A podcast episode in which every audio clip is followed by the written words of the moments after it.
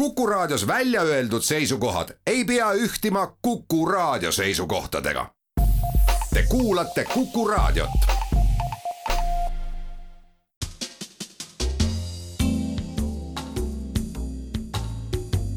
tarkade klubi tere taas, Kuku raadio Tarkade klubi tervitab häid kuulajaid ka vähetuntud Helmekuu nime all, teada jaanuari viiendal ja viimasel laupäeval, kui usutavasti on täitumas read eesseisvate taliolümpiamängude ennustusvõistluste arvamistabelites, on paljudel soetatud lastele juba selle talve kolmandad plastmasskelgud ja mõned teadusliku fantastika sõbrad teavad kindlasti tähistada ka Edgar Allan Poe esmaavaldamise tähtpäeva. Rootsi popmuusika austajad esimese Meloodifestivali toimumist kuuskümmend kolm aastat tagasi ja fossiilkütuse sõbrad Karl Bentsi Eesti esimese bensiinimootoriga auto patenteerimise aastapäeva. meie kuulajate hulgas leidub õnneks väga paljude ja väga erinevate huvialade esindajaid, millest on mõistagi ainult hea meel. nagu on hea meel alati ka uudishimulikest, laia teadmiste pagasiga mängijatest meie stuudiotes, kes ei pelga oma teadmist või teadmiste kogumist siin saates ka kuulajatega jagada hea meel on Tallinna stuudios tervitada Vikipeedia administraatorit, auhinnatud ulmekirjanikku ja meistrikandidaati Kabest Aivar Isti. tere! Ja kunstirühmituse Vedelik aktiivset liiget, ehitusmaestrat Martti Suurorgu tervist! Tartu stuudios tervitame aga geograafi, evolutsiooni molekulaarbioloogi ja hiljuti ametialaselt araablastega ja see on suur asi, nagu me teame, paljulubavad lepped saavutanud professor Mait Metspalu. tere! ja Maidu paarilisena alati usinalt kultuuririndel toimetavat, mitut filmi, teksti või teatriprojekti mõlgutavat või teostavat erudiiti Andres Keili. Assalamu alaikum meie küsimuste valik tulenevalt formaadist täna rohkematele mitmekesisustele ei pretendeeri kui kümme küsimust viies teemas, mis täna on järgmised. loodus, geograafia, revolutsioonid, taliolümpiamängud ja vaaria küsimuste autorid on täna taas Kivimäe kooli ajaloo ja ühiskonnaõpetuse õpetaja Margus Pillau, Ingliranna patrioot Enno Sivadi, raadiokuulaja Tarmo Niinepuu ja siinkõneleja Timo Tarve. alustame ja täna on avavaliku õigus Tallinna baaril. Taivo Marti, palun noh, võtame looduse. ja võtame Tarmo Niinepuu küsimuse, tema on mõlemad looduse küsimused täna vormistanud. Selle asja juhtumise tõenäosus ja et sellisel kujul, et lõpeb surmaga, on üks kuuekümnele tuhandele kuni kaheksakümnele tuhandele.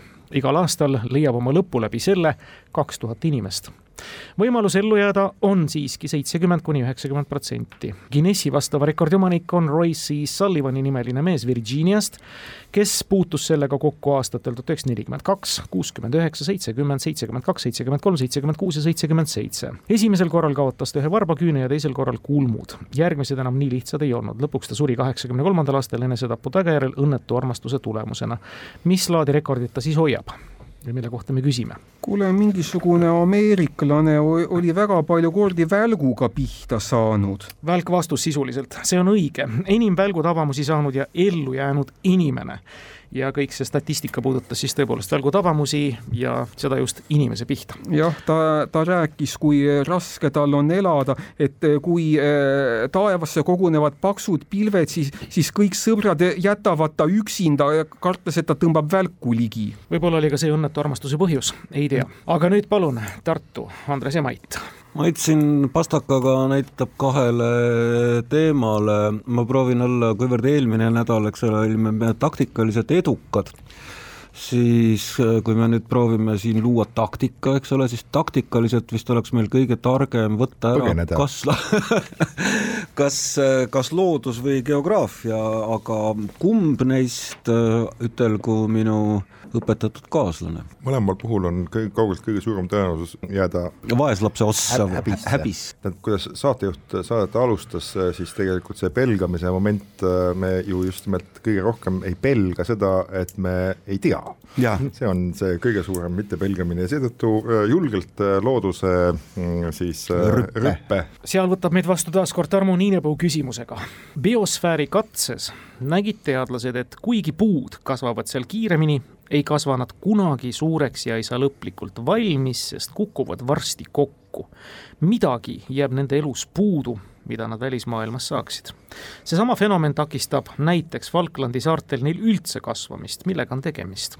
okei okay., tähendab, et kuskil kasvatati puid, aga need ei kasva suureks. ma nägin mingit dok-, äkki poole silmaga siin mõni kuu tagasi, kus kas see oli kaheksakümnendate lõpp, üheksakümnendad või üheksakümnendad, mingisugused ameeriklased ehitasid oma nagu eraldi biosfääri, noh, mingisuguse sellise suure kinnise telgi, see lõppes mingi fiaskoga, lõppkokkuvõttes nad võtsid ka nagu väljast õhku sisse, eks ole. Nad, nad proovisid tekitada nagu keskkonda, mis ise toodab endale siis hapnikku, eks, kasvatasid sealt kardulasi ja puid. ma olen sedasama vist näinud, niisugune sisuliselt hästi suur kasvuhoone. jah, jah, ja, ja, ja niisugune kultuse moodi asi natukene oli see, kes nüüd sinna ronisid. aga, aga, aga et mis äh, seal äh, Falklandi saartega pistmist on, et äh, tõenäoliselt sõda ei ole õige vastus mm, aga mis oli ka alles tuhande üheksasaja kaheksakümne seitsmendal aastal, eks ole. ühesõnaga, seal oli veel see vihje, et seal puud ka kasvasid väga kiiresti alguses mm. -hmm. ja siis kukkusid kokku no,. et, et midagi jäi see... neil puudu, jah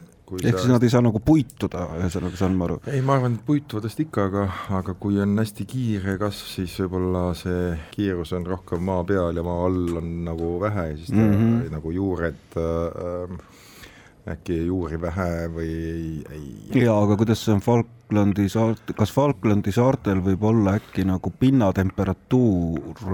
ei, pinnatemperatuur on seal, ma arvan, noh, samasuguse pinnatemperatuuriga on kohti palju, mis Falklandil on, eks ole, üks asi on noh, tuul teine asi on see, et eks seal kivine ja õhukene seesamune kivapinnas, et võib-olla, et seal ka nagu juurtega probleem, et ei, ei saa minna sügavale, et kuna kivi on vastas, aga see ei ole ka väga unikaalne ja juured on igast pragusid kasutavad. no jaa, aga teistpidi vaata, kui nagu noh, see on ka see muna ja kana küsimus, eks ole, et, et kui nagu huumust ei teki. huumus ikka tekib, ta on õhukene lihtsalt. aga kui me läheme nagu kuidagi nagu keemiasse, ma mõtlen, et kas Falklandi saared kas see on kuidagi vulkaaniline, on see ka või ma ei tea sellest kõigest mitte midagi?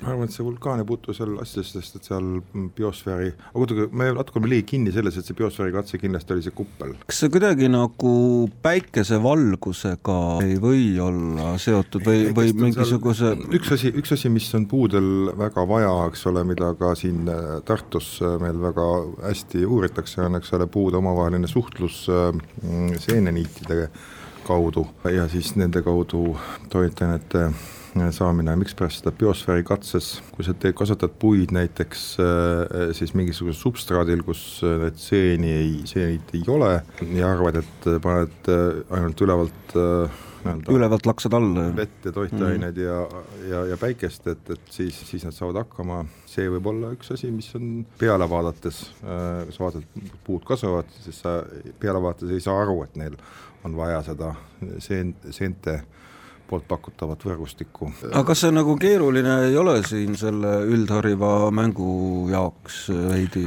no ma ei tea. ikkagi, aga millised on Falklandi saartes, kas seal on mingisugune miks... klimatoloogiline eripära? ja, ja, ja mikspärast seal neid, neid seeni siis nagu ei ole, jah et.... just, et äh, see on et... mingi päris, see on tegelikult päris vahva küsimus, aga vot need, vot selle vastusega on see, et seda ei tea. kus meil need osooniaugud on üleüldse? seal ei ole aga see oli ka näiteks Falklandi saartel oli küsimuses, jah? jah, näiteks. oli küll näiteks jah, võib-olla siis see, see ei tähenda, et see on ainult seal niimoodi. okei okay,, aga ma arvan, me juba jällegi kuritarvitame siin. no ühesõnaga, vasta midagi ära selles mõttes, et äh... solidaarsusest äh, värskelt äh, Liivi äh, tänav kaks aadressile kolinud äh, siis äh, kolleegide suhtes, jääks selle seeneniidiks, niidistike teema juurde. väga ilus vastus, ei ole kahjuks õige vastus. Martti ja Taivo. ma arvan, et ikkagi tegemist on päikesevalgusega ja ei teki klorofülli, neid lehti ja okkaid ja oot, oot kiratsevad. kuid Falklandi saarel siiski päike aeg-ajalt paistab ka seda jääb väheks, ma arvan, et äh, sama efekt, mis kuskil polaaraladel. kuid polaaraladel ei kasva puud siiski peamiselt äh, madala temperatuuri tõttu, mitte päikesevalguse puudumise tõttu, ehkki päikesevalgust on puudele kasvamiseks vaja aga minu meelest põhjus, miks Falklandi saarel puud ei kasva, ei ole siiski mitte äh, päikesevalguse puudumine. Falklandi saartel vist peetakse ka no, lambaid. lambaid seal peetakse, rohi ja, kasvab. rohi kasvab. ma olin võrdlemisi kindel, et see seene jutt on Tartul õige.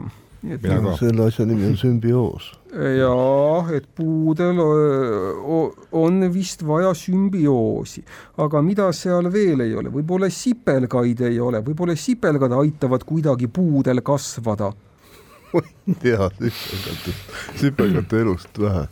Friida. Võib-olla folk. ei, Ferda.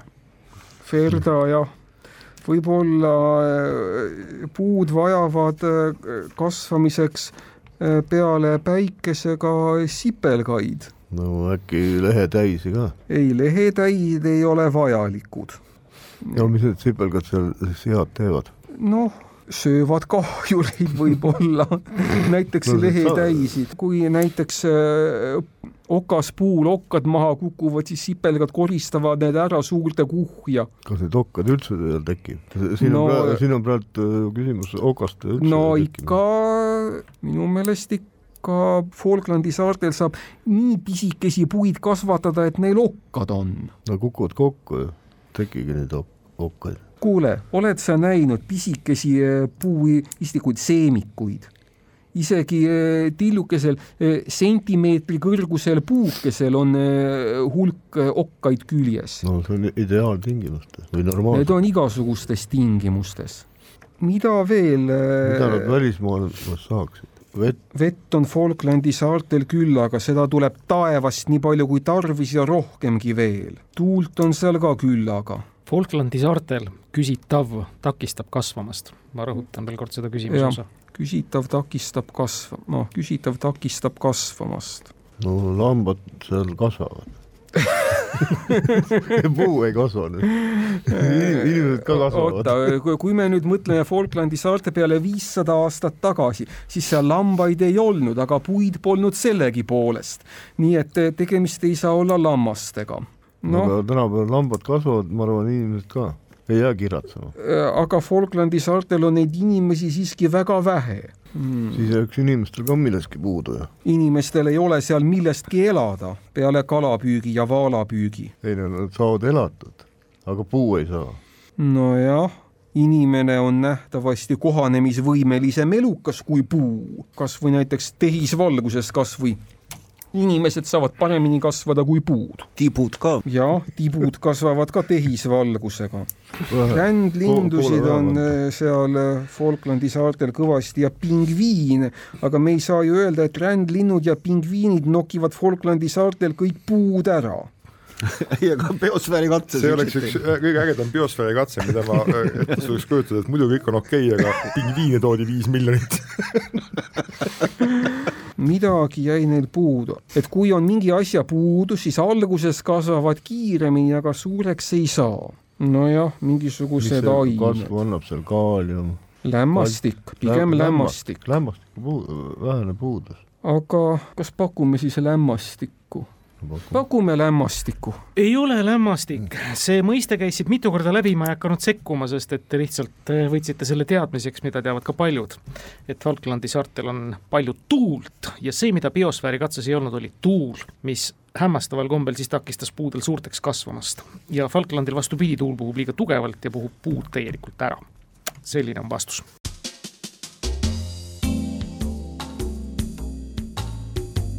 tark tarkade klubi. ja palun, Taivo ja Martti. esimene geograafia. milline geograafiline piirkond kannab araabia keeles nime Ad Difa i Garbia?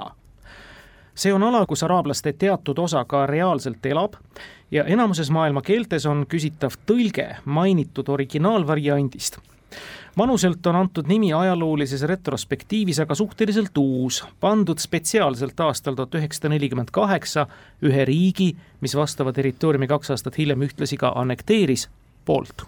noh, kus seal äh... Palestiina või? oota, tuhat üheksasada nelikümmend kaheksa Iisrael. no Iisraeli riik loodi, otsekohe algas kodusõda, kus nad äh, selle Palestiina ära vallutasid. enamikus keeltes on küsitav tõlge. jah mm -hmm. sealhulgas ka Eesti. kas see sinu pakutud Palestiina vist ei olegi siis õige või? ma ei tea, Palestiina nagu annekteeriti nagu algus, kas neile alguses anti see piirkond või, oota, mis seal veel on? nojah. Golani kõrgendikud, need on hilja, hilisem asi. see on hilisem asi. aga siis see sektor Gaza? Gaza sektor, see ei ole ju ka tõlgev mu meelest. Jordaania. aga siit araabiakeelsest nimest ma Jordani jõge justkui välja ei näe. viiskümmend annekteeris mis siis viiskümmend on, Korea sõda algas, aga Koreas ei ela ju araablasi, seda ei saa pakkuda, me peame ikkagi Lähis-Itta jääma. territoorium, oota, mis seal on? jah, mis selle territooriumi vallutas? vasakkalda või paremkalda, kuidas seda nimetatakse? Äh, kui sa mõtled Jordani jõge, siis äh, suubub Surnu merre, voolab põhjast lõunasse. Iisraeli äh, poolt okupeeritud on siis paremkalda osa ja äh, Jordaaniale kuulub vasakkalda territoorium. see on juba ammu okupeeritud, jah? no nelikümmend kaheksa, ma mõtlen.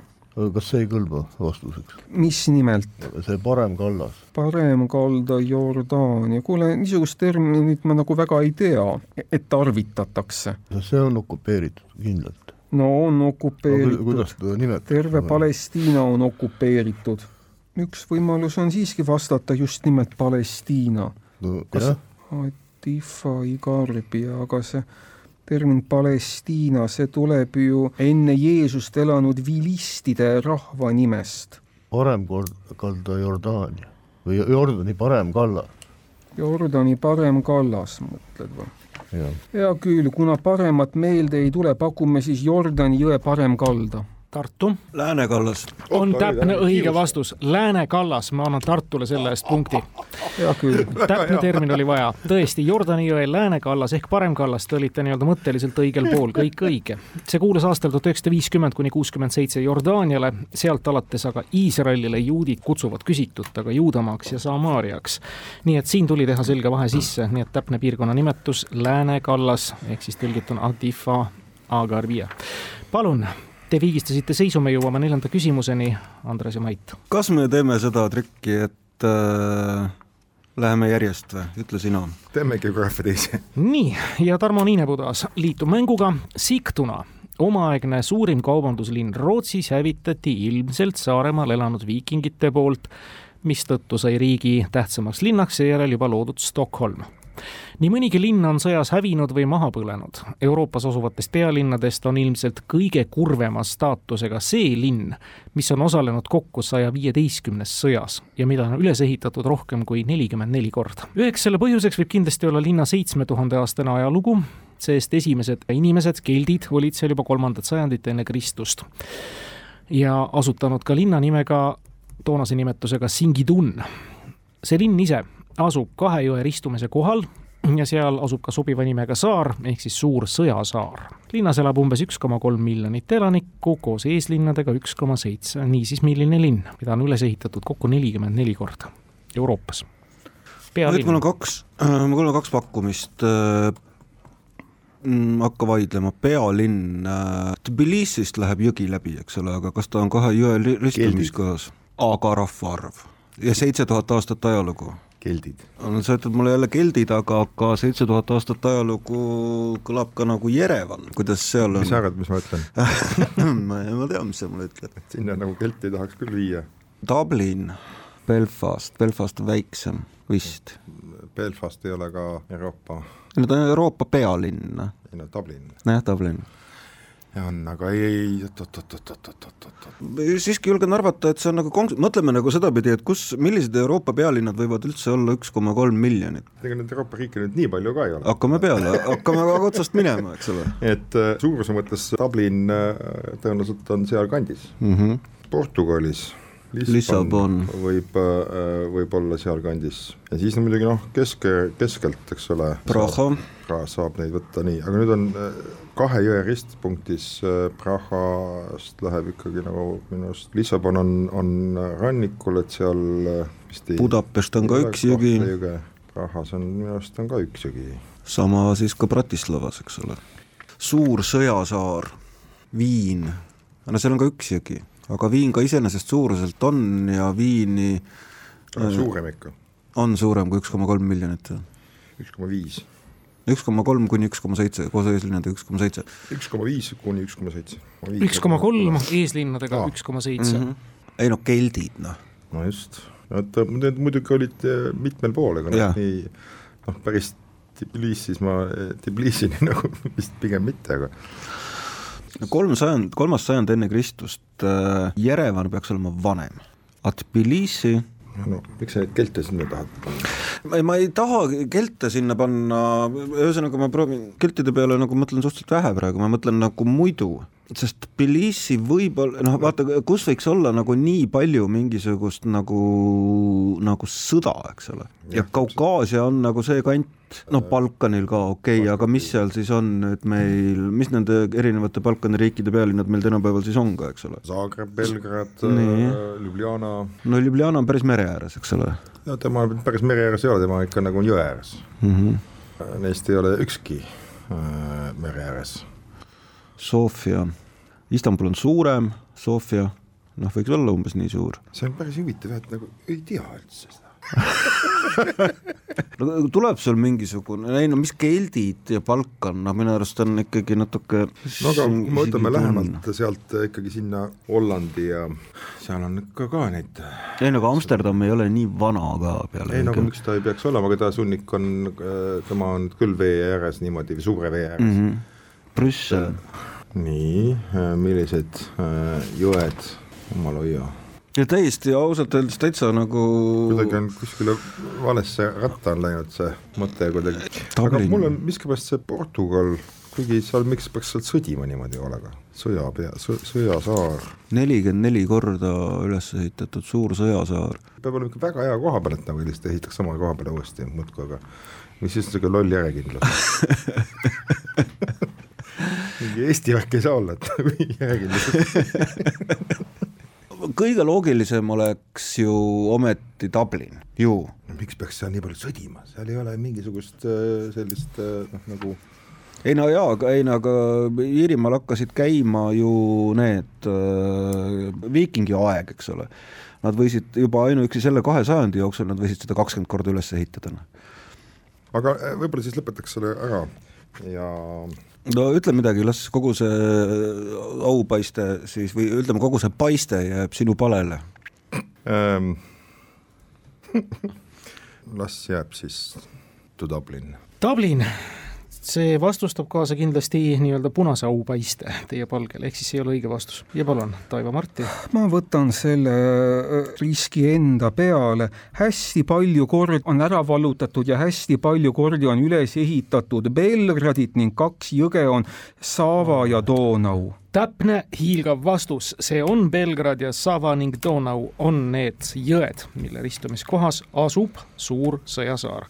kaks-üks, Martti ja Taivo lähevad Tallinnas ette. Te saate ka küsimuse valida kui viienda. no sa tahad vist revolutsiooni võtta, nii palju kui ma aru saan. no, no see on nagu nendest niisugune ahvatlev no võtame, võtame. nii, ahvatlev revolutsioon ja muidugi see viib meid esmalt Ukrainasse. Ukrainas on kahekümne esimesel sajandil teatavasti kaks revolutsiooni juba aset leidnud. Nendest mõlema sisuline tagamõte oli suurt pilti nähes saavutada olukord, mis nüüd loodetavasti jäädavalt on pärale jõudnud, ehk Venemaast sõltumatus viimane aga, nii nagu üks kommentaator tabavalt märkis, käib mahajäetud vägivaldse käitumismustriga mehe kombel oma eksabikaasa taga, ukse taga siiamaani prõmmimas ja laamendamas. meenutagem, et otsustav pööre vastavas soovitud suunas võideti väärikuse revolutsiooniga aastal kaks tuhat neliteist talvel kätte Maidanil.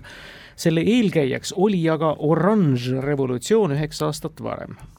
kuid Ukrainas eneses mõistet oranž sellise sõnatüvega, millega antud ajalooline pööre üle kogu maailma tuntuks sai, kummatigi ei teata Nemad kasutavad ühte teist väljendit, mis sisuliselt sama tähendab, ent hoopis teistmoodi kõlab.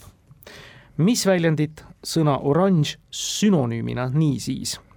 ja see kattub muide ka ühe Eesti endise poliitiku perekonnanimega. niisiis, mida ütlevad ukrainlased ise oranži revolutsiooni asemel? kas seal võib olla mingi muu oranži värvi ese? mis on oranži värvi esemed, muidugi igasugused apelsin ja mandariin, aga sellenimelisi poliitikuid pole Eestis olnud Pomer, või on? pomerants. õige Aa, ja see pomerants. tuli ära Pomerantsi revolutsioon originaalis Pomerantševa evolutsia, pomerants on siis teatavasti mõru apelsin, mille ikka oranži värvuse ukrainlased oma keeles vastava tooni tähistamiseks seega üldistatuna on käibele võtnud ja see kõlab palju ilusamini. kolmas punkt teile, poole mängu peal olete kolmiks ees, Tartu, ärge heitke meelt, valige teema. Mait, palun nende teemad on veel ees, meie teemad on juba läbi. No aga vaari on kõigile Vaar ja, mul on hea meel, et Tartu saab seda kuulda, sest et me küsisime Tarkade klubis ligemale kaks kuud tagasi tänavu sajandat ilmumise alguse aastapäeva tähistada võinud, kuid praegu mitte väljaantava Nõukogude ja Vene huumorisatiiri ajakirja Krokodill kohta, miks on hea meel, sest Andres Keil vastas selle küsimuse ära toona. selle kaasomanike hulgast siis ühe viimase Dmitri Muratovi Nobeli auhinna puhul. täna aga tahame teada ühe teise Nõukogude ja Vene žurnaali kohta, mis aastast tuhat üheksasada kakskümmend neli on olemas ja ta on seda siiani. oma nime sai see meie jaoks vähetuntud kirjaniku Aleksandr Fjodorov Davõdovi jutustuses tegelaseks olnud Kutsika järgi. mainitud Sulesepp muide oli samuti kõnealuse ajakirja üks asutajaid. mis nimi või pealkiri siis? Sojus multifilmi toodangus põhiliselt viiekümnendatest aastatest figureerib erinevates linateostes samanimeline inimese kujul tegelane. nii nagu Krokodilli analoog Eestis Pikker oli, nii on meil küsitavagi mõnes mõttes sõsarväljaanded olemas, laiema levikuga koguni kaks. üks on aastast tuhat üheksasada kuuskümmend, siiani ilmub, ja teine alates üheksakümne neljandast. mis ajakirja kohta me küsime? inimese kujul samanimeline tegelane mm. -hmm. Mm ja see just multfilmi multifilmides. ja, ja küsitava ajakirja nii-öelda meie analoogid või sõsarväljaanded siis mm -hmm. on ka siiani aastast tuhat üheksasada kuuskümmend ja üheksakümmend neli. ja mõlemad ilmuvad siiamaani. ja, ja nii nagu ka see Vene ajakiri. noh, kuuskümmend võiks olla Täheke ja üheksakümmend neli võiks olla Hea laps. ja see Vene ajakiri võiks olla siis, ma veel ei vasta, sest mul ei tule seda inimese kujul tegelast ette, eks ole, või, või noh, multikatest, aga, aga küll on olemas selline lasteajakiri nagu Murzilka. vasta ikka ja taaskord õige mm -hmm. vastus ja täpselt nii, nagu sa teadsid kunagi. jaa, mul oli ka kirjas. juba ka. enne küsimuse lõpuni lugemist teadsin. Murzilka ja sa ütlesid ka täpselt ära, see on siis ajakiri lastele vanuses kuus kuni kaksteist, meie analoogid muidugi Täheki ja Hea laps, täpselt õige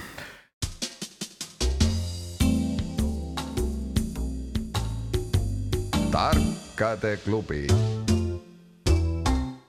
kena. kas võtame Taio teise Marti. revolutsiooni või mis?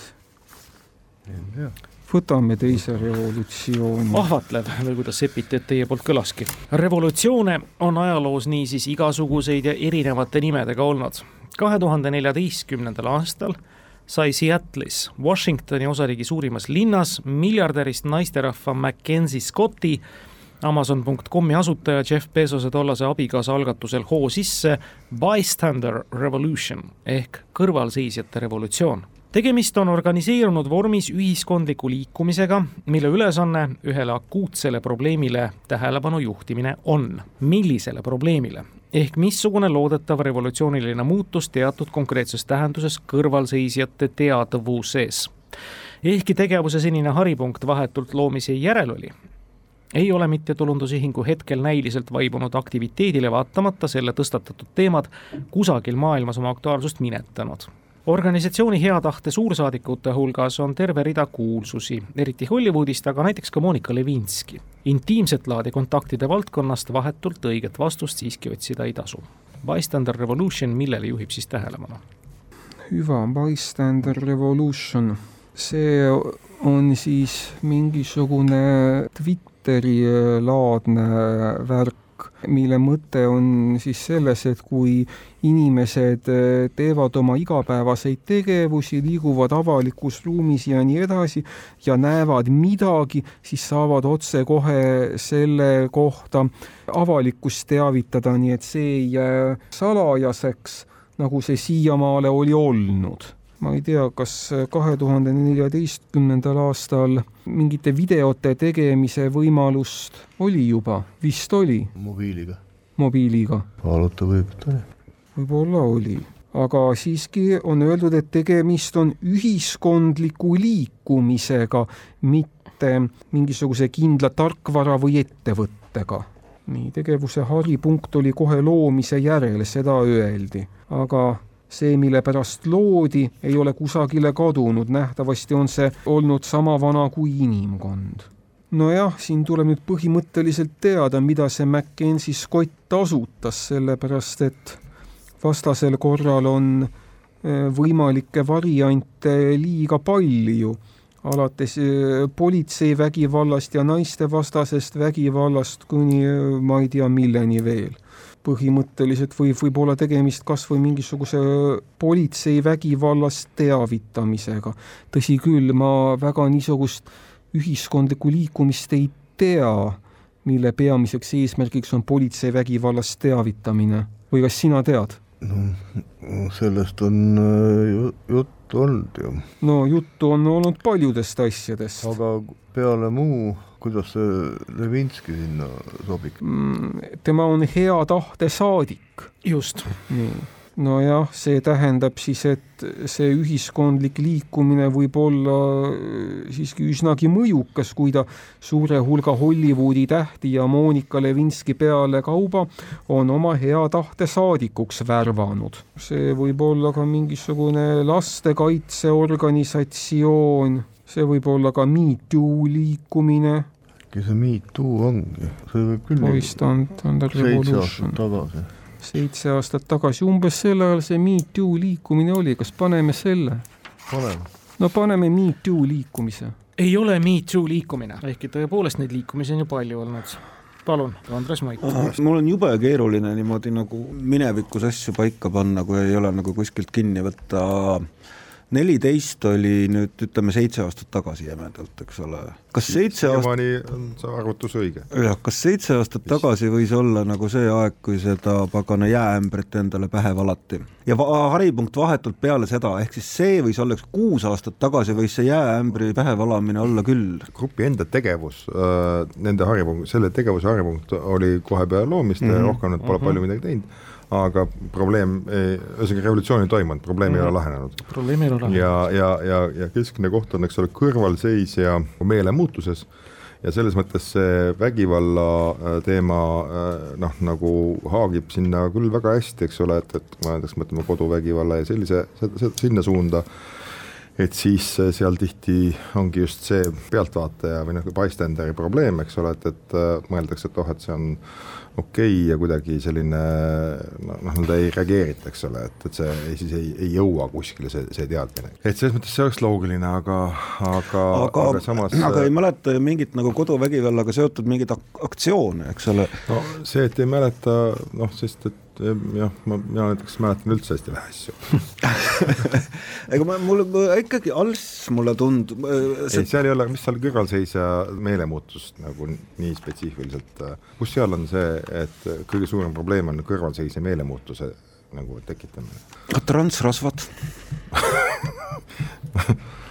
transrasvad, no ei no see. kuna see Evelin seda kõike meil ajas? Ei no kuidas see pealtnägijate kõrvalseisjate no,, kõrvalseisjate, see on ikka, minu loogika on seal ikka see, et see on kõrvalseisjate apaatsuse nii-öelda teema ja selles mõttes noh, ütleme, et see no jaa, aga, aga, aga ei, aga ei no mitu oli hästi konkreetne jaa, aga, aga vaata, ka koduvägivallaga tegelevate mingite MTÜ-de tegevused ei ole näiliselt vaibunud, noh saad aru. selle konkreetse. Bystander Revolution, noh, aga no see on kõige loogilisem, sellepärast et koduvägivald on see, mis on seinte vahel, mida sa ei näe äh, muidu, kui sa ei ole seal lähedal ja siis, kui sa oled seal lähedal, siis oled sa bystander, äh, selles mõttes sul on raske, sa noh, sa oled nagu mingit pidi osaline ja kuule, aga kuna see Jacksonville oli? mis sellega oli? see noh, nii-öelda populismi algus, see Jacksonville'i need rahutused ja kõik see võis olla umbes samal ajal see oli ikkagi nüüd natukene, see oli see, kus äh, jälle nagu ikka oli sõideti surnuks ja politsei ja, ja, ja. midagi ja ei no see on ju väga Ameerika-keskne mõnes mõttes nojah. okei okay,, ma arvan, et me võib-olla siin ei ole pikalt, et mina äh, no, äh, läheks selle koduvägivallaga äh,, mis on see loogiline minu jaoks. jah, ma küll arvan, et see on alles, aga ütleme koduvägivald. koduvägivald annab teile saatejuhi otsusega pool punkti, sest et ka mm. kiusamine ehk siis vaimne vägivald läheb sinna alla kindlasti, see on kiusamine kiusamisvastasus, inglise keeles siis anti-bullying. nii et. aga mis aktsioon siis oli? vot see küsimusest ei lähtu ja mul ka nüüd päris täpselt meeles ei ole, nii et ma jään vastuse okay. võlgu. aga pool punkti te teenite, kaks pool, Tallinn kolm ja meil on kolm küsimust lõpuni minna, kaks taliolümpiat ja vaariat ja Tartu nüüd tuleb taktikat rakendada või? aga siis ma arvan, et meil ei ole nagu küsimustki, mida valida ju. ikka vaaria. ikka vaaria, jah äsja alanud aastal saab nelikümmend aastat sellest, kui Türi kesklinna uut moodsat kaubamaja ehitama hakati. praeguseni elanikkonnapoolset nõudlust edukalt rahuldavat suurt, nüüd juba küll Coopi nime all töötavat poodi.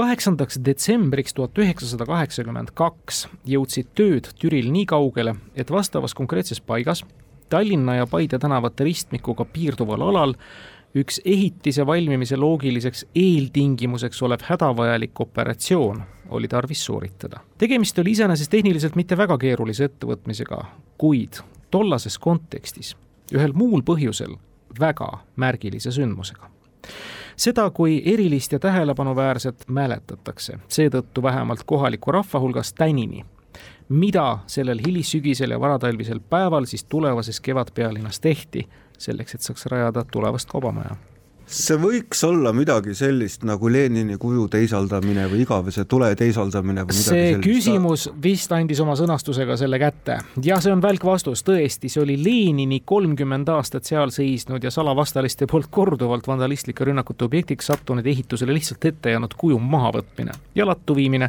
seda on pandud kusagile mujale ka ülesse, kaks päeva hiljem küll avati kompensatsiooniks veidi kõrvalisema koha peal ühe haldushoone ees Lenini pea mis kõikidele teadaolevatel põhjustel vähem kui dekaad oma kohal püsida sai. kõik õige. kolm pool ja kolm te rebite ennast Tallinna vastu ette ja midagi teha pole. nii ongi, et sportlikult jäävad taliolümpiamängud. jah, nüüd tulevad need võimatud küsimused. saame näha. Taivo, Marti saavad kuulda. esimest. tuhande üheksasaja kaheksakümne kaheksanda aasta Calgary taliolümpiamängud olid esimesed, kus pealtvaatajad ja võistlustel osalevad, osalenud või oma järge ootavad või mänge lihtsalt vaatavad sportlased istusid kõrvuti või läbisegi tribüünidel. Kalgari mängud olid eeskätt pealtvaatajatele veel ühe tänasest iseenesestmõistetava asja poolest uudsed ja mille poolest? just pealtvaatajatele, kes tribüünil istusid tänapäeval on see elementaarne, aga siis oli see uus asi, tuhat üheksasada kaheksakümmend kaheksa Calgary's, tribüünil. no mis asi on see, mis tänapäeval on elementaarne, aga Calgary's oli esimest korda ja nähtavasti enne Calgaryt polnud üldsegi. see võis olla piletid pealtvaatajatele, enne sai igaüks tulla, kes kohale tahtis, nüüd hakati pileteid nõudma, mis sa selle kohta arvad?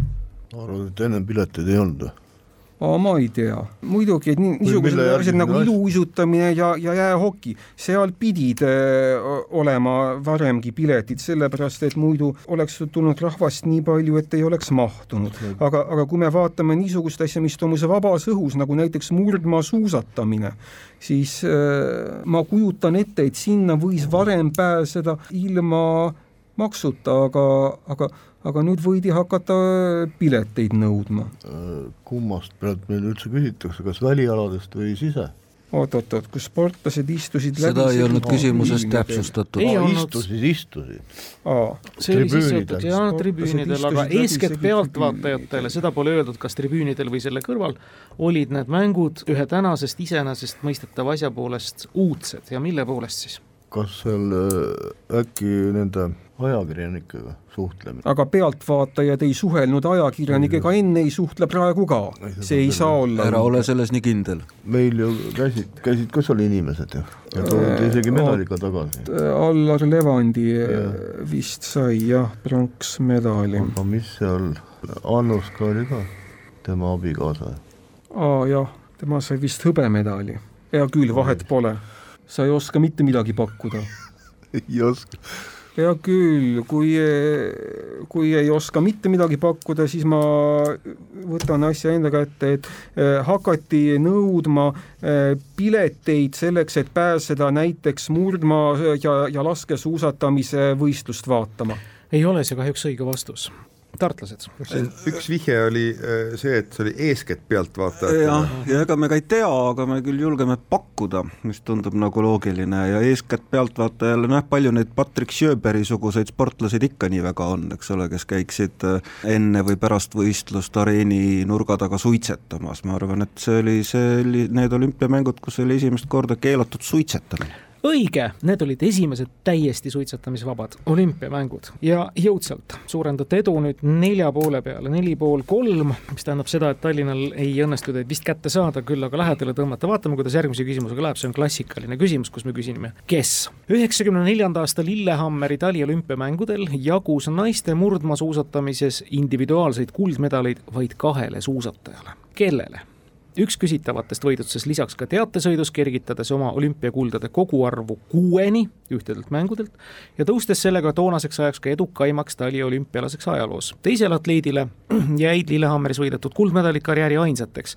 kokku võitis ta neid seitse uh,. okei okay. uh,, kas siin nagu väga palju variante ei ole, ehk siis et uh, mina mm. mäletan seda, et üheksakümmend neli ma kindlasti vaatasin neid äh, suure andumusega, aga variandid. kes see norrakas oli enne Björgenit?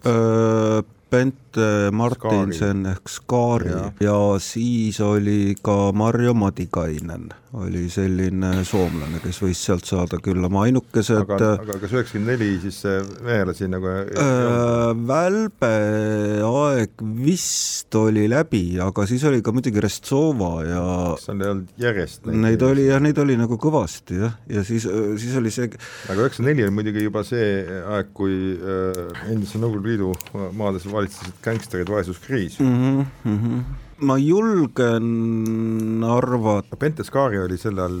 Martinson, ta oli Berta Martinson, jah. tema, tema oli ikkagi ju suhteliselt suur kunn sel ajal või kuninganna tähendab. oota, mõtleme natuke, mis aastal ta Šmiguniga seda MK võidu peale konkureeris, kas see võis olla äkki üheksakümmend lõpupoole? ja neid numbreid niimoodi kindlasti ei mäleta, aga, aga ma arvan, et üks neist, ma arvan, et üks neist oli Marju Madikainen sest et äh, ühel olid siis äh, olümpiakullad ainult ühest äh, äh,, ainult sealtest mängudest, Penteskari äh, või Mart-, Martinson, tema noh, minu arust oli hästi pikalt nagu ei no ei no vaata, selleks hetkeks kuus ja ka siis nagu ei, kuus edu... sai, kuus sai sellest ah,, sellest hetkest kuus Ko. jah, kokku mm. kuus, oota, oot-oot-oot-oot-oot-oot-oot-oot, Marja-Liisa, eks ole, oli kolm kulda Sarajevos. see on kaheksakümmend neli. neli, jah ja. ja noh, ma arvan, et see Marja-Liisa ikkagi vast... ja ta võis, äh, ja ta võis võtta teatekulla ja aga ta, aga küsimus oli kaks kõige rohkem medaleid saanud äh, kaks ainsat, kellel jagus individuaalset kulda. Ah,. individuaalselt jah, no äh, üks võitis individu... ka ja pluss veel võideti juurde ka teates. mulle tundub, et Välbe jaoks oli hilja. Äh, Välbe oli veel Albervill, kaheksakümmend üheksa oli ta äh,, isegi ma ei mäleta, kus see kaheksakümmend üheksa mm oli, kaheksakümmend seitse oli Oberstdorf kaheksakümmend üheksa oli, kas Lahti äkki või? üheksakümmend viis oli Thunder Bay mm, ma mõtlen, kes seal Norra äh,, Manett-Pöö jaoks oli hilja, aga Restsova. aga ma arvan, et äh, siin kell on juba äh, jõudmas äh, keskpäeva. et Madikainen ja Martinson või?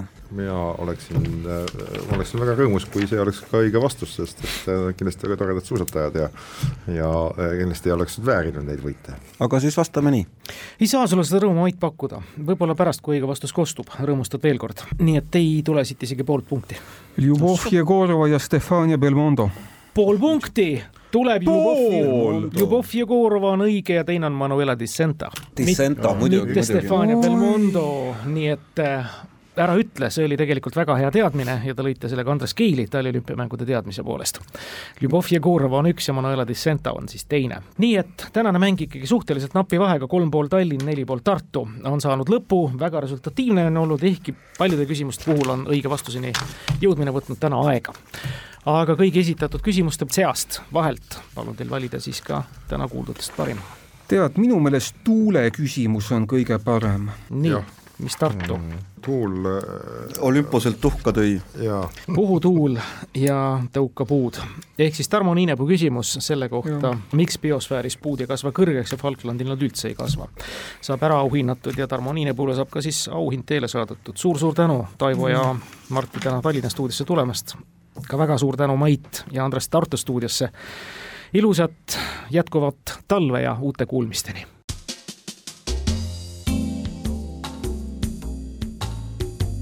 tarkade klubi